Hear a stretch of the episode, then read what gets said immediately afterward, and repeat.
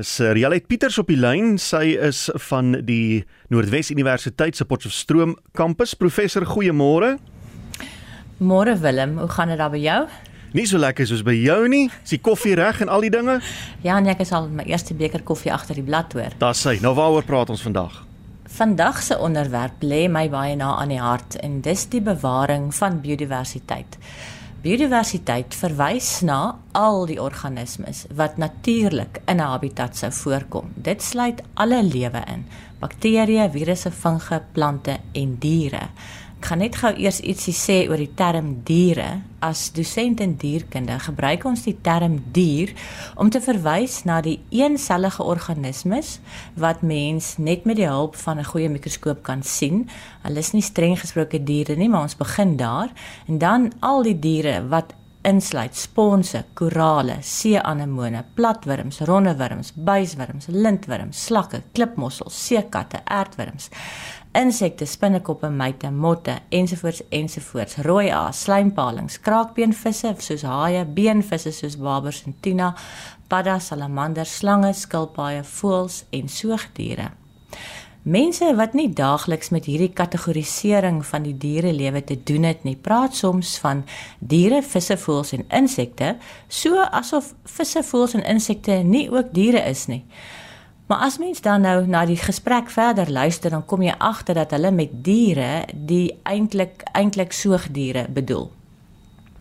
Maar nou eers weer terug by biodiversiteit. Soos ek nou-nou gesê het, biodiversiteit sluit alle vorms van lewe in wat in 'n habitat voorkom. En elke organisme of spesies het sy bepaalde funksie en kan die ekologiese funksionering van die habitat erg versteur word wanneer die spesies daaruit sou verdwyn. Dit is wel so dat sommige habitats of ekologiese nisse meer veerkragtig is as ander. Dit beteken dat hulle meer as een spesies het wat 'n bepaalde funksie verrig. En as een van sê maar die herbivoor spesies verdwyn, dan is daar nog ander spesies wat dieselfde plantmateriaal sou verminder om die ewewig van die habitat te handhaaf. Maar as as daar net een spesies is wat 'n baie besondere funksie verrig of daar in my voorbeeld van die herbivoor nou net een herbivoor spesies is, is die nis of habitat nie veerkragtig nie want as daardie spesies dan sou uitsterf, stort die ekostelsel in daardie habitat in duie. En mense seker kon vra of dit dan nou gebiedend noodsaaklik is dat alle spesies op aarde oorleef en bewaar word, veral as daar meer as een spesies in 'n habitat voorkom wat dieselfde funksie in daai habitat kan verrig. Op hierdie stadium van die mens se bestaan op aarde sal ons nou maar seker moet toegee dat as gevolg van die mens se soms stiksienige en onnadenkende onnadenkende misbruik van die natuur ons uitgevind het dat ons seker nie alle spesies benodig om lewe op die planeet min of meer aan die gang te hou nie. Maar ek vermoed dat ons nie eens sal weet hoe belangrik 'n bepaalde spesies in die toekoms sou blyk te wees nie, want dit het ongelukkig reeds uitgesterf. En ons het ongelukkig 'n mensgeoriënteerde beskouing van wat lewe op aarde beteken. Ons dink dat as die mens nog van die aarde af kan leef, dan is die ekostelsel nog oukei. Okay. Maar daar was lewe op aarde lank voor die mens tot stand gekom het en is ons eintlik net nog 'n spesies. Toegegee, die mens is die spesies wat die opdrag gekry het om die aarde te bewerk en te bewaak, maar let op, Die opdrag is nie verwoes en misbruik die aarde nie. Een voorbeeld waar die afname in biodiversiteit die mens se voortbestaan op die planeet bedreig, is die afname in insekbestuivers.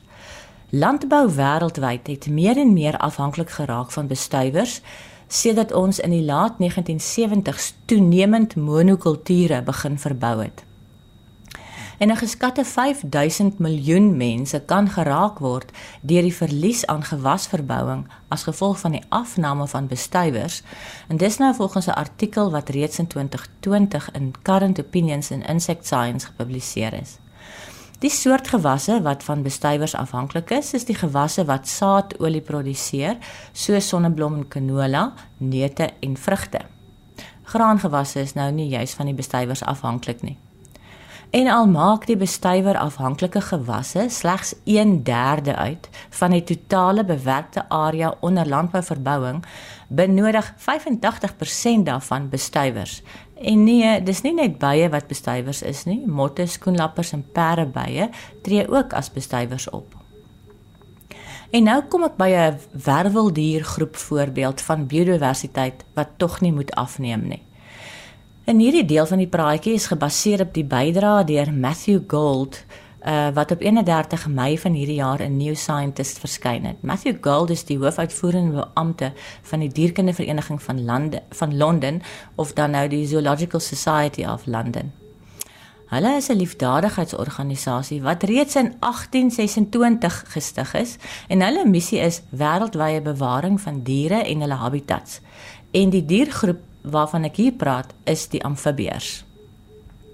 Verlede jaar al het die Amerikaanse Nasionale Parke Raad gevra dat besoekers aan hulle parke in die Sonora woestyn asseblief tog nie aan die paddas lek nie.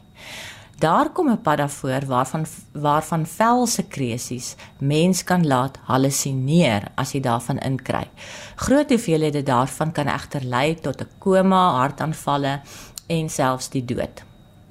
En by 'n diabeteskongres van vroeër vanjaar in Engeland het 'n navorser aan die Universiteit van Wolverhampton vertel van 'n nuwe soort medikasie wat hulle ontwikkel het wat potensieel insulienvlakke van tipe 2 diabetesleiers kan verlaag.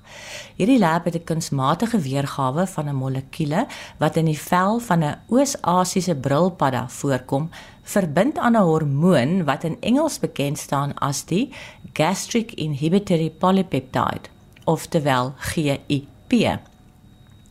Nou GIP word reeds in diabetesmedikasie gebruik om die sekresie van insulien aan te moedig.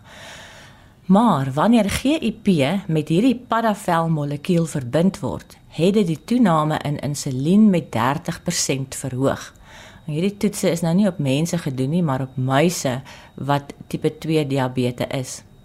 Hierdie ontdekking is maar net die nuutste in 'n lys van moontlike medisyne wat uit paddavel verkry kan word. Daar's meer as 7500 paraspesies op die aarde en elkeen het sy eie versameling potensieel nuttige chemikalieë. En tot dusver is daar nog nie twee spesies met dieselfde kombinasie verbindings in hulle velle gevind nie. Velsekresies van die verskeie Australiese boompaddas inhibeer MI virus infeksies.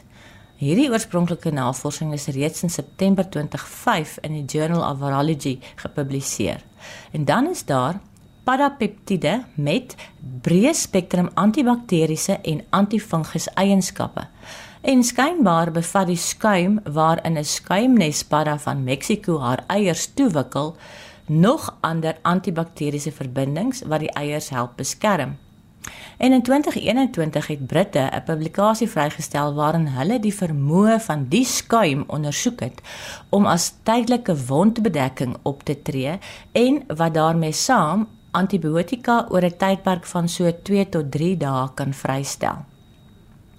En reeds in 1992 is die molekulêre struktuur van 'n chemiese verbinding wat uit die vel van 'n gifpylpadda uit Ecuador onttrek is, deeglik beskryf. Hierdie verbinding is 200 keer meer effektief as morfine en werk deur breinreseptore wat tot op daardie stadium nog onbekend vir die mediese wetenskap was. Ongelukkig is amfibieërs een van die diergroepe op die planeet wat die meeste bedreig word en 40% van die amfibiese spesies is bedreig. Nie net is die oorsaak daarvan habitatsverlies, besoedeling en indringerspesies nie, maar ook die chytrid fungus wat amfibie bevolkings wêreldwyd bedreig. In Sentraal-Amerika het die afname in paddagetalle gelei tot die toename in malaria gevalle by die mens, waarskynlik omdat daar nie meer genoeg paddavisse was wat die muskietlarwes in toom kon hou nie. Muskiete is mos nou weer een van die gasheere van die malaria parasiet, ehm um, Plasmodium. Ek hoop dat die twee voorbeelde van waarom die bewaring van biodiversiteit belangrik is, ons almal nog verder sal aanspoor om tog maar bedagsaam te wees teenoor die ander spesies op hierdie planeet. Ek het op omgewingspraatjies se Facebookblad foto's geplaas van 'n van hierdie paddas waarvan ek gepraat het wat voordelig vir die mediese wetenskap is. Gaan kyk gerus. Rialet baie dankie. Ons het lekker na jou geluister. Dis uh, professor Iralet Pieters. Sy's van die Noordwes Universiteit se Potchefstroom kampus en vir enige navrae of uh, kommentaar oor hierdie insetsel, stuur die e-pos na omgewing by rsg.co.za.